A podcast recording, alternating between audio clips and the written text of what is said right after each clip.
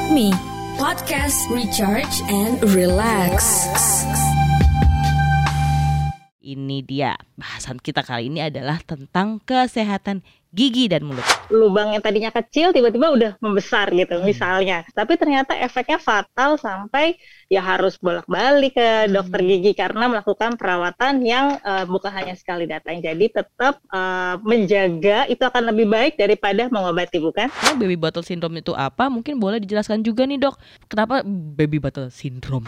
Eh, mungkin mengartikannya sebagai sindrom eh, karena pada bayi ya karena pengaruh dari eh, botol. Hmm. Botolnya itu adalah botol susu ya maksudnya. Ya. Nah, tapi sebetulnya itu adalah eh, gambaran terjadinya kerusakan pada gigi susu anak. Obrolan mantap. Selamat datang di obrolan mantap. Hai Potmi friends dan parents kembali lagi dengan saya Nina di podcast obrolan mantap by The Asian Parent. Tentunya di platform podcast kita Potmi. Nah salah satunya tentu saja selain di Potmi kita juga sekarang eh, sudah bisa didengarkan di banyak tempat juga ya teman-teman ya. Tapi Potmi friends dan parents tentunya mesti banget yang namanya dengerin dulu di Potmi. Nah, ingat-ingat nih ya setelah sekian eh, pekan kita eh, kita bikin podcast, kita eh, mengudara di Potmi juga dan semakin banyak juga, semakin banyak juga dan semakin meningkat juga listener yang ada di eh, podcast obrolan mantap. Tentunya kita dari eh, The Asian Parent mau ngucapin makasih nih ke semua eh, listener yang mau mendengarkan konten-kontennya di podcast obrolan mantap dan semoga semua yang kita obrolin bersama para narasumber bisa memberikan manfaat juga buat parents dan Potmi friends tentunya. Nah, ingat-ingat topik yang sudah dibahas, kita kan udah pernah ngebahas soal finansial, kesehatan mental, seks dan tentu saja kali ini kita mau ngebahas yang berbeda lagi dan patut disimak juga. Ini dia bahasan kita kali ini adalah tentang kesehatan gigi dan mulut. Khususnya kali ini kita juga bersama narasumber tamu lainnya tentunya. Nah, beliau ini adalah dokter gigi umum, lalu seorang bunda juga dari dua anak dan memiliki hobi menulis serta membuat ilustrasi. Bahkan dari hobinya tersebut, narasumber tamu kita ini juga melahirkan dua buku cerita anak. So, siapa sih yang akan kita ajak ngobrol di podcast obrolan mantap episode kali ini? Langsung aja kita sapa. Ini dia dokter gigi Anissa Sabrina. Apa kabar, Dok?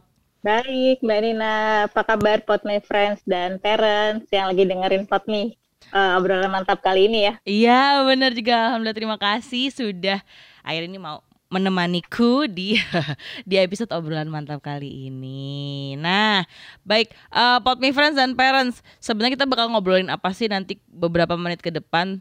Kita tentunya bakal ngobrolin soal ya seputar kesehatan gigi dan mulut lah ya. Dan kita nanti akan fokusin tentunya berkaitan dengan dunia parenting juga. Tapi karena kita bicara tentang dunia kesehatan gigi dan mulut, tentunya selalu akan ada edukasi di awal dan pertanyaan di awal yang eh, aku ajukan demi membangun kesadaran kepada kita semua untuk menjaga kesehatan gigi dan mulut nih. Nah kalau kita ngomong-ngomong nih dok, langsung ditembak pertanyaan gitu ya dok ya. Bangun lagi kesadaran soal pentingnya kesehatan gigi.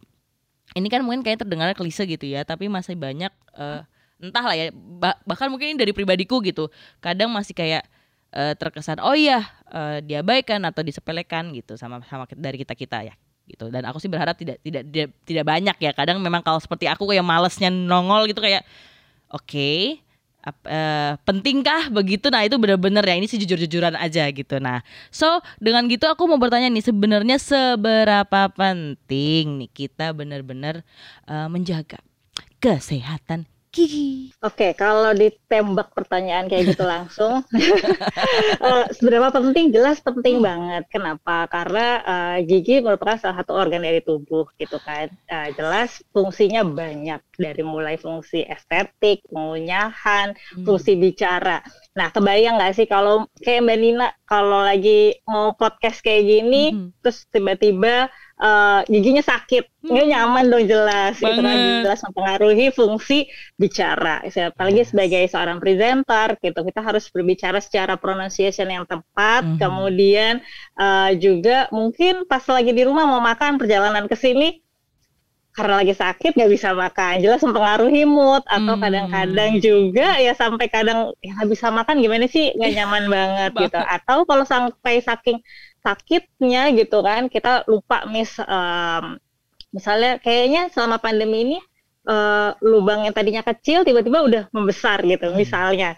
Uh, itu kan hal yang sepele gitu kadang-kadang ya hmm. parents itu tapi ternyata efeknya fatal sampai ya harus bolak-balik ke dokter hmm. gigi karena melakukan perawatan yang uh, bukan hanya sekali datang. Jadi tetap uh, menjaga itu akan lebih baik daripada mengobati bukan? Betul. Betul betul. Ini ini benar-benar berasa sih sebenarnya ya. Karena karena ya selama ini kan kita cuma cuma taunya adalah oke okay, minimal yang paling minimal untuk bisa kita lakukan di dalam keseharian adalah ya misalnya sikat gigi teratur gitu ya apalagi apalagi kita sebagai orang tua kita ngajarin anak juga gitu kan gimana caranya sikat gigi baik setelah makan atau sebelum tidur dan lain-lain gitu ya. Terus datang lagi tantangan pandemi gitu ya. Bahkan di mana ketika saat itu duh orang juga jadi worry kan untuk untuk konsul dan ini dan itu. Nah kita kalau ngomongin di sekitaran pandemi nih, ada challenge-challenge tersendiri nggak sih dari dari dari sisi baik dari pasien atau dari dari uh, dok Nisa nih selama selama di pandemi ini untuk berpraktik?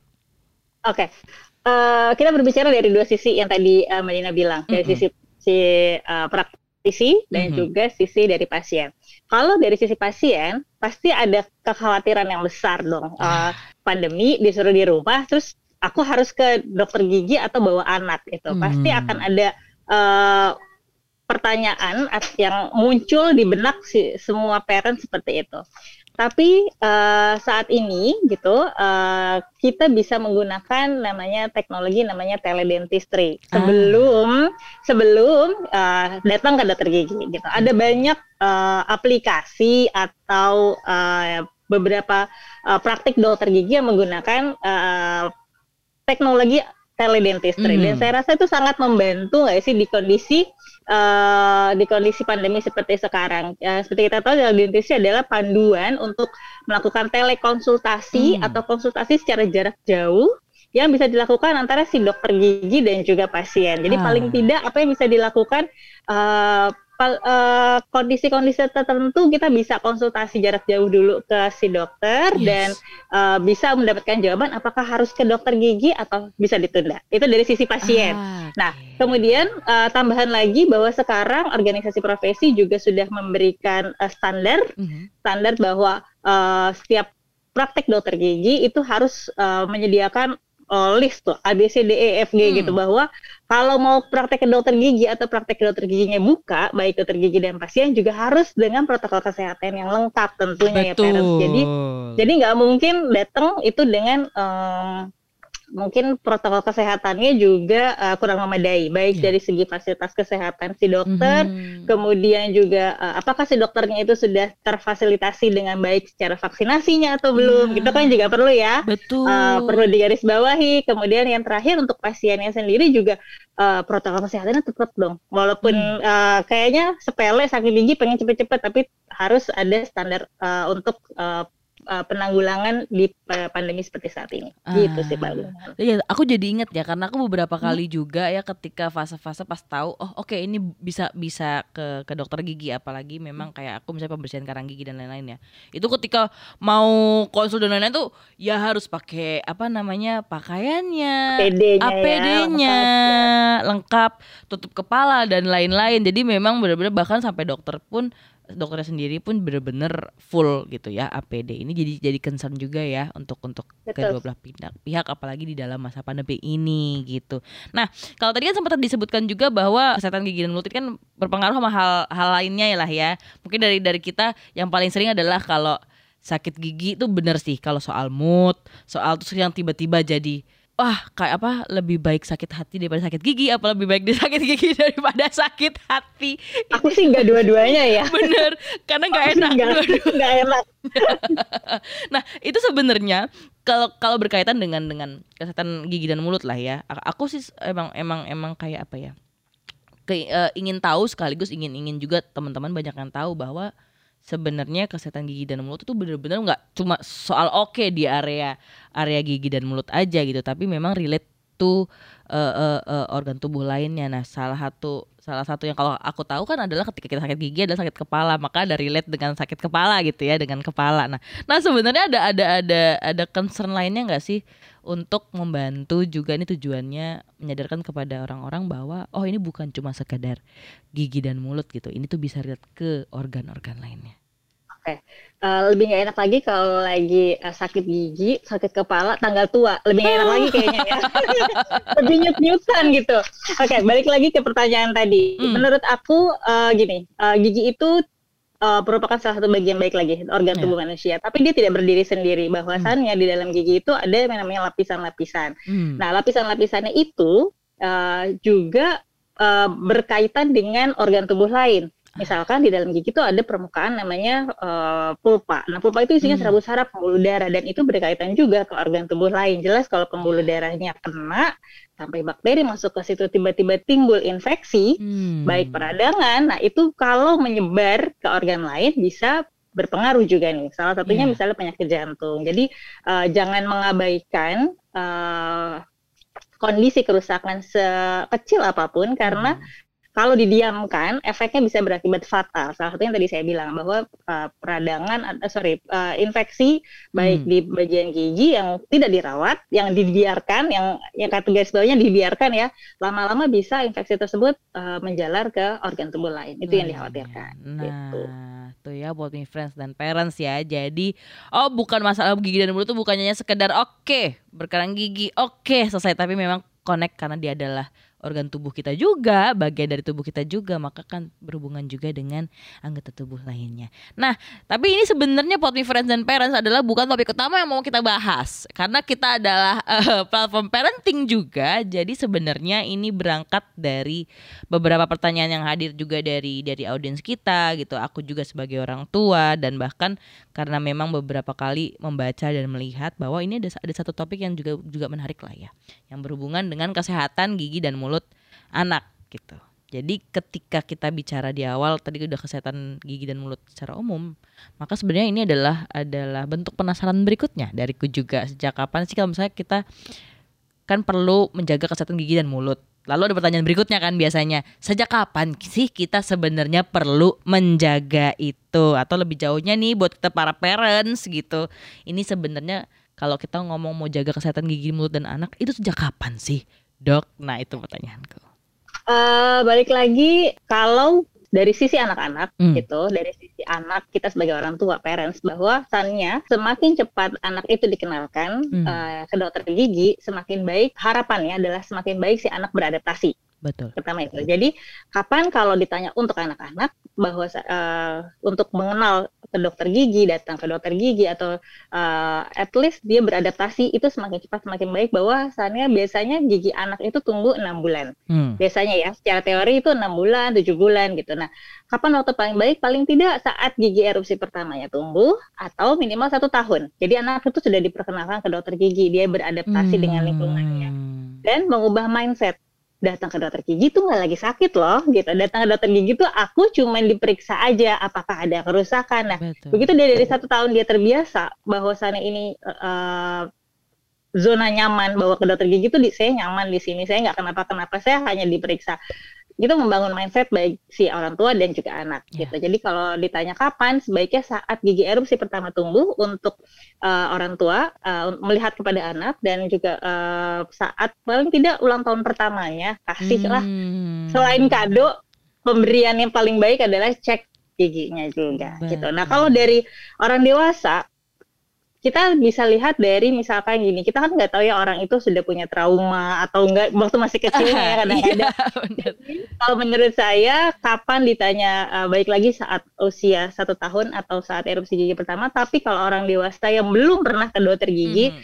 Eh, ya secepatnya sih karena the sooner is better gitu. Kalau Yes. misalnya makin ditunda makin ditunda ya udah deh nanti nyeselnya belakang. Betul, karena makin ke sini ya, karena tahu dulu taunya adalah oh oke yang penting cek rutin gigi ini aja aku dengan cek rutin gigi gitu ya. Tapi karena kita, pola hidup kita nggak tahu semakin ke sini ya, kadang kita ngaco makannya, kadang kita asupannya wah udah aneh-aneh gitu loh Apalagi ya. pandemi ya. Apalagi Apalagi pandemi, kayaknya kan pandemi. bawaannya anak-anak ya lebih Bener, ingin ini dan itu gitu kan ya. Bahkan ketika cek-cek rutin aja, pas apalagi kalau anak ya alhamdulillahnya setelah sudah mulai tubuhnya ke gigi dewasa udah lebih enak gitu ya pas wah udah udah udah aman nih sedangkan ibunya malah ternyata harus uh, siap-siap mencabut gigi bungsu gitu. Wah ini ini udah udah udah sakit kepala di sini tuh mikirnya aduh bagaimana rasanya? gitu. Padahal sebenarnya belum dilakukan juga gitu loh. Dan segera dilakukan gitu. Jadi kayak nyiapin mental gitu. Nah nah ini ini adalah concern sebenarnya.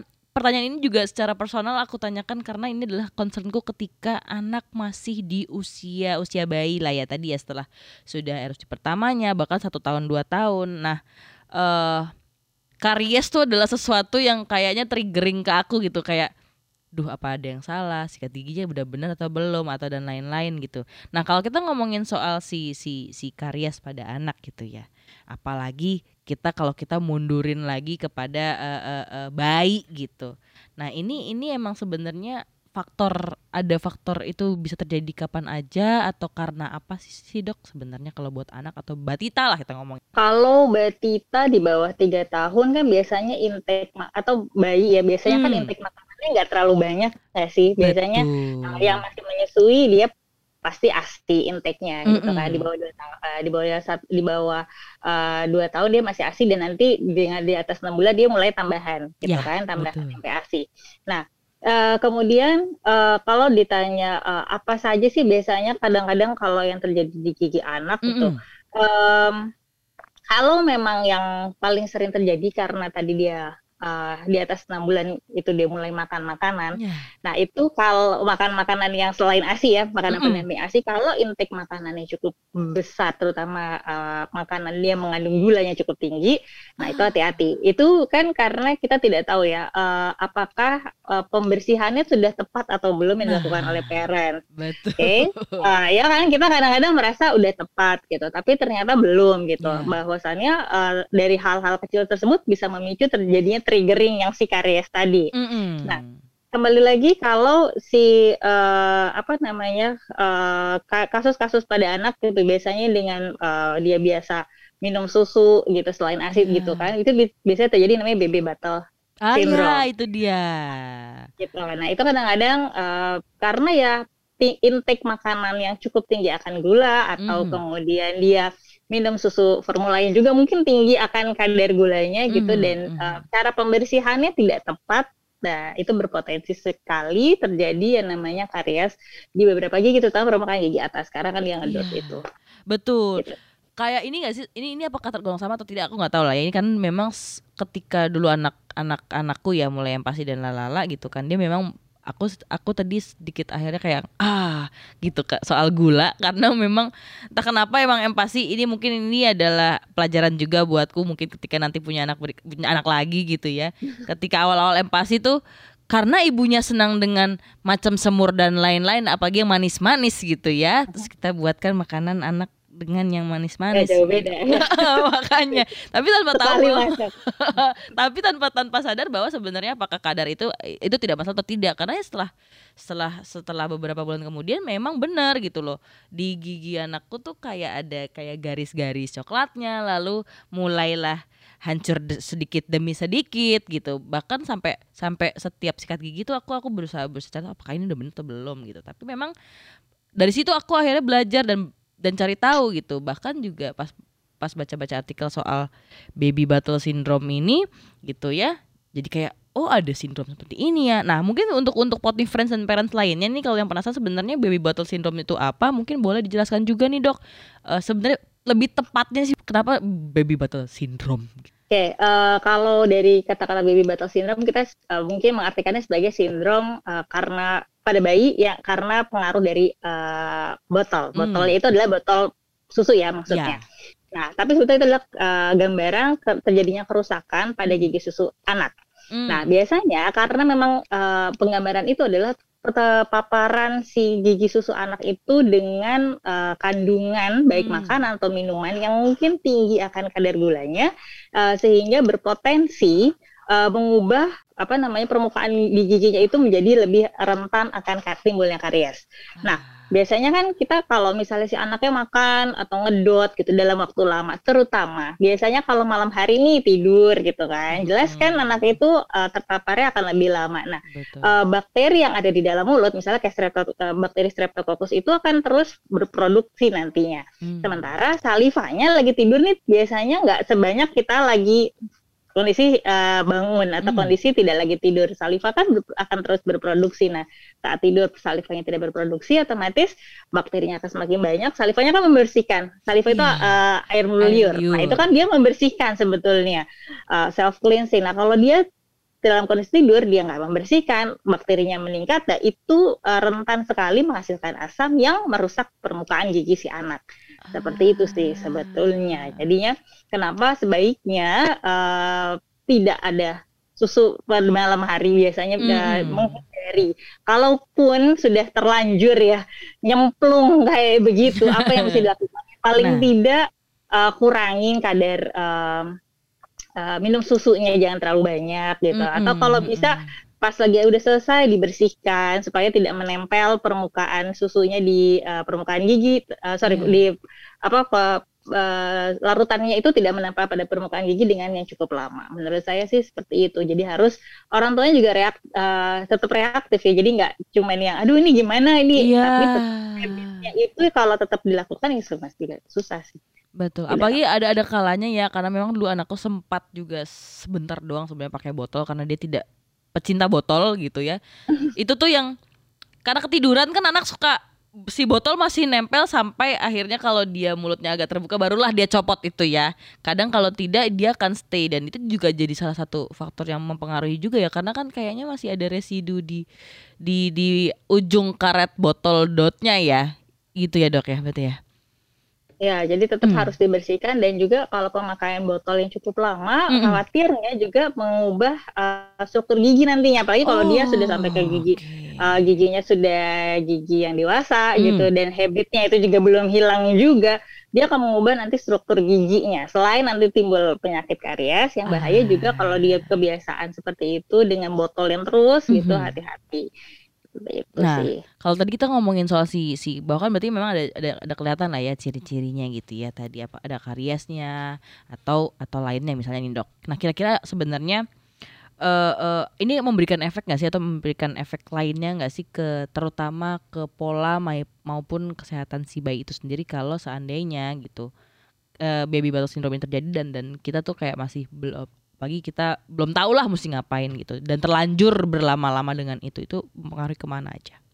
Oke, biasanya kalau uh, kondisinya belum parah sih anak mungkin nggak ngerasa juga hmm, ya sih? Betul. Tapi kan dia cuma ya ibunya mungkin yang ngelihat anaknya nggak ngeh juga ada perubahan warna iya. perubahan apa dia nggak akan ngeh dong. Sampai dia akan ngeh kalau teng sakit giginya. Ah. ya, iya kan? Anak akan ngeh di situ. Nah berarti parentsnya yang harus lebih yang saya bilang uh, uh, tadi harus lebih reaktif lihat dong kondisinya ini kayaknya giginya tadinya nggak kayak gini di waktu lahir gitu pun mm-hmm. tiba-tiba warnanya mm-hmm. udah mulai coklat-coklat nah itu harus ada tanda alert ah. kalau ini harus hati-hati nah kalau uh, parent sudah mulai ngeh bahwasannya ada perubahan warna yeah. kemudian kok ada kayak titik-titik lubang atau mungkin anaknya gejalanya udah bau mulut atau kadang-kadang dia nggak mau dilihat nggak mau dilihat gitu misalnya Betul. seperti itu karena anak-anak selagi dia belum timbul gejala kalau saya rasa sih dia nggak kan terganggu nggak ya? merasa iya nggak keganggu kan gitu dia nggak akan merasa keganggu nah uh, kan, kalau sudah timbul gejala misalkan dia sakit kah hmm. atau tiba-tiba bengkak itu yang paling parah kan sudah terjadi yeah. infeksi berarti kerusakannya sudah cukup uh, besar nah Uh, biasanya kalau seperti ini kan harus ada tindakan baik itu penambalan atau iya. yang paling parah perawatan saluran akar. Kalau uh. sudah terjadi infeksi ya atau kerusakannya cukup besar. Nah, hal-hal seperti ini kalau si anak tidak terbiasa ke dokter gigi dan dia tidak dilakukan perawatan, otomatis menghambat ke mana? Pola makannya dia dong. Dia yang biasanya hmm. makan, tadinya nyaman makan, tiba-tiba sakit uh, mengeluh dia ada keluhan dari situ Betul. makannya susah otomatis ke berat badannya juga dong yeah. salah satunya pencetusnya dari situ jadi tetap uh, kontrol itu ada di parents bahwasannya uh, gigi anak ada perubahan itu sebetulnya yang tahu parents ya kalau saya mengamati dari kasus yang sudah pernah beberapa kasus itu ya kalau anak nggak ada triggering dia nggak ngerasa sih sebenarnya ya kan betul. jadi tetap dari situ sih Nah, ini tuh ada ada yang pernah bertanya gitu ya. eh, eh, kan kadang ada yang bahkan ketika di usia-usia balita paling sering lah ya aku melihat bahkan anakku pun sudah mulai apa ya sebutan kita kalau bahasa awamnya adalah reges atau istilah kasarnya ya memang dia mulai hancur ya. Nah, kalau itu terjadi kepada kepada anak yang dia benar-benar total masih gigi susu gitu ya. Eh dan sudah tidak kayak tidak kelihatan kayak yang kita sebutnya ompongnya habis bener-bener nggak ada kelihatan putihnya. Nah itu bagaimana ya dok nanti kalau misalnya mereka mau mengganti ke gigi dewasa? Apakah emang nat- naturally nanti tetap akan mulai tanggal atau perlu ada penanganan lanjutan kalau udah seperti itu? Oke, itu. semoga sih tidak terjadi Iya. pada anak-anak gitu. Karena kan itu udah Amin. kalau udah sampai kalau udah sampai kerusakan yang cukup fatal Mhm. dan usia penggantiannya dia masih cukup jauh, itu yang Hmm. kita mesti eh, orang tua dan dokter giginya juga harus bekerja sama. Karena gini, eh, sebetulnya keberhasilan si gigi anak itu tergantung dari yang eh, kayak segitiga gitu ya Ah. kerjasamanya. Anak, orang tua, sama si eh, pasiennya itu atau si anaknya, eh, si dokter giginya. Hmm. Nah, kalau eh, si anaknya malas sikat gigi, orang tuanya harus oke yuk sikat gigi gitu. Iya. Si Orang dokter giginya juga. Jadi eh, ini nih bertiga saling berkaitan. Hmm. Nah, kalau dibilang tadi eh, pertanyaannya apa? Kalau eh, eh, kerusakannya sudah cukup besar, Yes. Nah, berarti kan kerjasama si dokternya itu yang harus cukup lebih tinggi dong. Betul. Apa yang harus dilakukan? Nah, eh, gigi susu itu tumbuh biasanya dari usia enam bulan sampai kurang lebih dua setengah atau tiga tahun, Hmm. gitu ya, dia pola tumbuhnya. Dan nanti digantikan oleh gigi tetap biasanya enam tahun sampai mulainya enam tahun sampai sekitar 12 sampai 13 tahun. Hmm. Eh, dari jeda waktu dua setengah sampai ke penggantiannya itu kan cukup lama. Betul. Kalau didiamkan begitu saja tentu nggak bisa gitu. Karena gigi susu itu adalah kunci penting untuk pertumbuhan gigi tetap. Kalau gigi susunya yang rusak, gimana nanti? Walaupun nanti akan tergantikan ya, tapi Iya. tetap saja eh, dia adalah kunci penentu dari eh, pertumbuhan gigi tetapnya. Nah, eh, kalau ditanya perawatan apa saja bisa macam-macam sih dari Hmm. mulai penambalan sampai nanti perawatan saluran akar dan kalau sudah grepes banget Iya. biasanya kerusakannya juga cukup besar. Nah, ini harus butuh kerjasama karena tidak bisa eh, dibilang perawatannya ini ya kalau aku misalnya bilang Mm-mm. kayak gitu. Tapi kan dia harus dilihat secara klinis nanti dokter giginya akan memutuskan apakah harus dipasang crown pada anak-anak Iya. gitu, crown giginya gitu setelah perawatan saluran akar tentunya atau mungkin masih bisa ditambal atau yang paling fatal adalah pencabutan dini. Pencabutan dini adalah pencabutan yang belum saatnya dia tumbuh si gigi erupsi tapi sudah dilakukan pencabutan. Nah, ini yang kadang-kadang kita juga miris ya karena Iya. kerusakan yang tidak bisa ditanggulangi dengan perawatan apa pun akhirnya harus dilakukan pencabutan dini. Seperti itu sih. Wah itu challenging sekali ya kalau udah sampai ke situ. Tapi memang pernah pernah menemukan case seperti itu juga dok? Aku sih banyak, apalagi mungkin ke dokter gigi Hmm, anak ya. Aku sih iya. aku aja juga sering banget dan kadang-kadang yang memang tidak bisa aku lakukan aku akan refer sih ke dokter gigi anak. Ah, iya iya iya. Nah, itu dia potting friends ya dan parents bagaimana memang penting tidak hanya sekedar oh oke ba- eh, sikat gigi saja cukup setiap hari, tapi memang eh, sebaiknya memang kita melakukan eh, cek rutin apalagi sama anak kita ya. Tadi sudah dikatakan bahwa eh, gigi susu juga jadi satu penentu penting juga nanti ketika dia kan berubah menjadi eh, gigi tetap. Jadi tidak bisa sekedar kita sepelekan juga atau sekedar oh iya nanti tergantikan dengan eh, gigi tetap. Tadi itu langsung kayak yang kena oh tek gitu ya. Karena kan selama ini memang apalagi kita gitu ya mikirnya bahwa oh tenang aja anak oh, gigi susu ntar tinggal udah diganti kok jadi gigi dewasa gitu. Jadi sehingga terkadang ada hal-hal yang satu demi satu terjadi tuh menganggap itu hal yang oke biasa-biasa aja gitu. Padahal memang ternyata juga memberikan efek-efek lainnya. Nah, oke, kalau misalnya tadi kan sudah sudah terlanjur ter- eh terlanjur lah ya. Akhirnya begitu akhirnya mendapatkan penanganan juga dari dokter gigi. Tadi diulang juga beberapa, kali sama dokter Nisa juga bahwa pentingnya juga kerjasama antar parents dengan anaknya juga lalu dengan dokter giginya. Apalagi dengan anak ya challenging. Kadang aja kita deg-deg ser ke dokter gigi. Jujur gitu ya sekedar buat eh, eh, pembersihan karang gigi aja. Aduh ada masalah apa ya? Aduh ada yang bolong nggak ya? Ada ada yang apa gitu ya? Gitu. Apalagi dengan anak-anak. Nah ini mungkin ada ada ada tips juga nggak sih eh, dok kalau seandainya nih misalnya ini adalah pertanyaan yang paling sering ditanyakan terutama juga kami orang tua yang mencoba mengajak anak ke dokter gigi ada ada ada ada tips nggak sih bagaimana eh, sebenarnya eh, eh, kalau bahasanya meningkatkan kesadaran tuh kayak ketinggian gitu tapi bagaimana ada tips untuk kepada anak agar mereka memahami dan mau bahwa memang ke dokter gigi itu satu kebiasaan yang penting untuk dimulai dari dini. Kalau ini berdasarkan pengalaman aku aja ya. Iya. Jadi paling penting diingat uh, kan kita tadi ber, berkaca kepada anak, orang tua, sama dokter gigi. Iya. Oke. Okay? Orang tua peranannya jelas penting banget, role model. Kalau hmm. orang tuanya datang aja, udah, aduh, nanti mama takut deh. Mama bakal diapain ya? No, of course no. Jadi kalau anda takut, parents gitu ya, uh, biarkan pasangan anda yang datang nemenin ke dokter gigi. Anda stay di luar aja. Karena menurut aku penting banget bahwasannya anak itu di encourage ya, di apa ya, dikasih semangat gitu. Betul. Jadi paling penting sih faktor orang tuanya dulu nih. Kalau orang tuanya udah kayak, uh, aduh mama nggak berani deh lihat deh, udah kamu suka aja gitu. Nah gimana dia membangun kepercayaan dirinya kalau aku tuh berani? Kalau si orang tuanya juga udah kayak uh, uh, mungkin trauma ya, mungkin orang iya, tuanya juga ada trauma. Juga. Jadi menurut aku uh, peran penting orang tuanya itu di situ dulu. Jadi yang sebelum menganulir yang lain, si orang tuanya ini udah jadi role model bahwa enggak apa-apa. Atau kadang-kadang hmm. orang tuanya yang mama dulu ya dicek dulu nih, mama nggak yeah. apa-apa loh gitu. Kamu nggak apa-apa nantinya, mama cuma seperti ini kita dicek gitu. Jadi satu kalau menurut aku role modelnya adalah di orang tua kata kuncinya. Kemudian yang kedua um, sebelum datang mm-hmm. uh, beritahukan ke anak bahwasannya kita mau ke dokter gigi nantinya. Jangan membohongi jangan bilang nggak dia apa-apain, nggak sakit. Ah, Say the truth. Bahwasannya yes. nanti kamu akan kayak gini.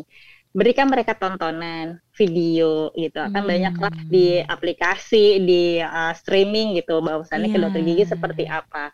Beri kepercayaan diri si anak bahwa kamu nanti bisa kok. Uh, kemudian uh, kalau dia sudah sampai datang, dia nggak nangis itu untuk datang pertama kali ya. Dia, hmm. dia datang, dia sampai datang, kemudian dia nggak nangis, itu kasih pujian kecil-kecil ya, aja ih kamu udah hebat apresiasi. loh udah datang ke sini aja tuh udah hebat gitu puji walaupun kecil ya kadang-kadang gitu doang gitu tadi yeah. sampai masuk wah kakak udah sampai masuk nanti tunggu ya gitu jadi puji apa pun bentuknya dan tidak memarahi anak apalagi dikecam itu kak oh, nanti kalau cubit aja nih dok mm. jangan gitu Anda adalah role modelnya. Anda adalah yang berperan penting di situ. Yang saya bilang tadi, kalau orang tuanya takut, uh, beri, biarkan pasangan Anda gitu. Yeah. Tapi jangan ditakut-takutin karena menurut aku penting banget yang tadi si uh, kata kuncinya tiga itu orang tua, anak sama uh, dokter gigi itu harus kerjasama dan uh, kemudian yang paling penting juga uh, kalau memang anak sudah berhasil melewati itu semua dan dia bisa melakukan tindakan kasih reward nggak apa-apa kok kalau menurut aku.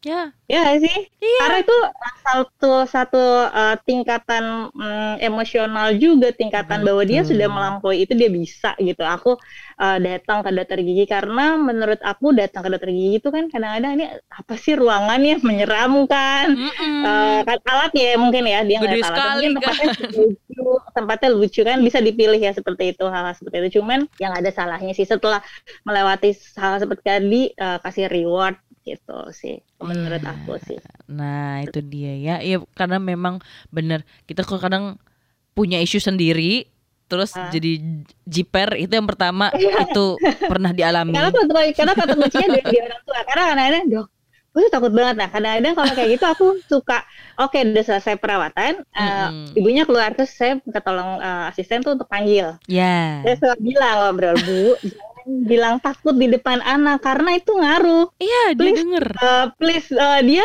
akan gimana ya? Mama aku aja takut apalagi nanti mm -hmm. aku gitu kan. Aku nggak akan bisa. Jadi kalau itu ibu apa apa ibu di luar aja dulu tunggu. Betul. biarkan ayahnya atau mungkin siapanya neneknya gitu yeah. temenin dia. Gitu. Itu akan uh, membangun kepercayaan diri dia sih kalau menurut aku. Dan jangan pernah mau apa ya uh, memberikan labeling kamu tuh takut banget sih sama ke dokter gigi aja gitu iya. please yeah. mereka sedang membangun kepercayaan dirinya Betul. untuk datang untuk duduk untuk dilakukan tindakan jadi stop labelin stop marah-marahin anak itu sih.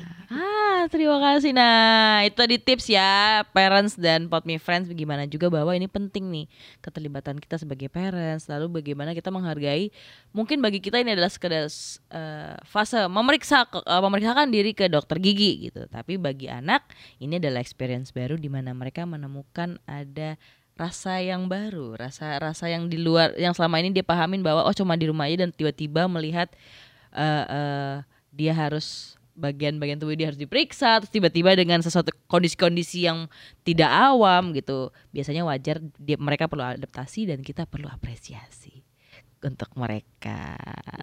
Nah sebelum kita mengakhiri dan tadi aku, aku ingin bertanya juga kepada dokter nih. Nah ini aku nggak bosan-bosan sih kita perlu perlu aku rasa memang kita perlu terus ngasih tahu uh, uh, tips atau pesan sederhana untuk menjaga kesehatan gigi dan mulut dalam keseharian. Boleh dok karena ini uh, rasanya perlu kita sampaikan kepada para parents dan putih friends tentunya. Oke, okay. uh, paling penting diingat tetap sikat gigi sehari dua kali gitu kan, minimal sehari dua kali deh. Mau itu anak, dewasa, mau apa pun juga gitu. Kecuali bayi ya, bayi yang belum bisa kita bersihkan dengan itu.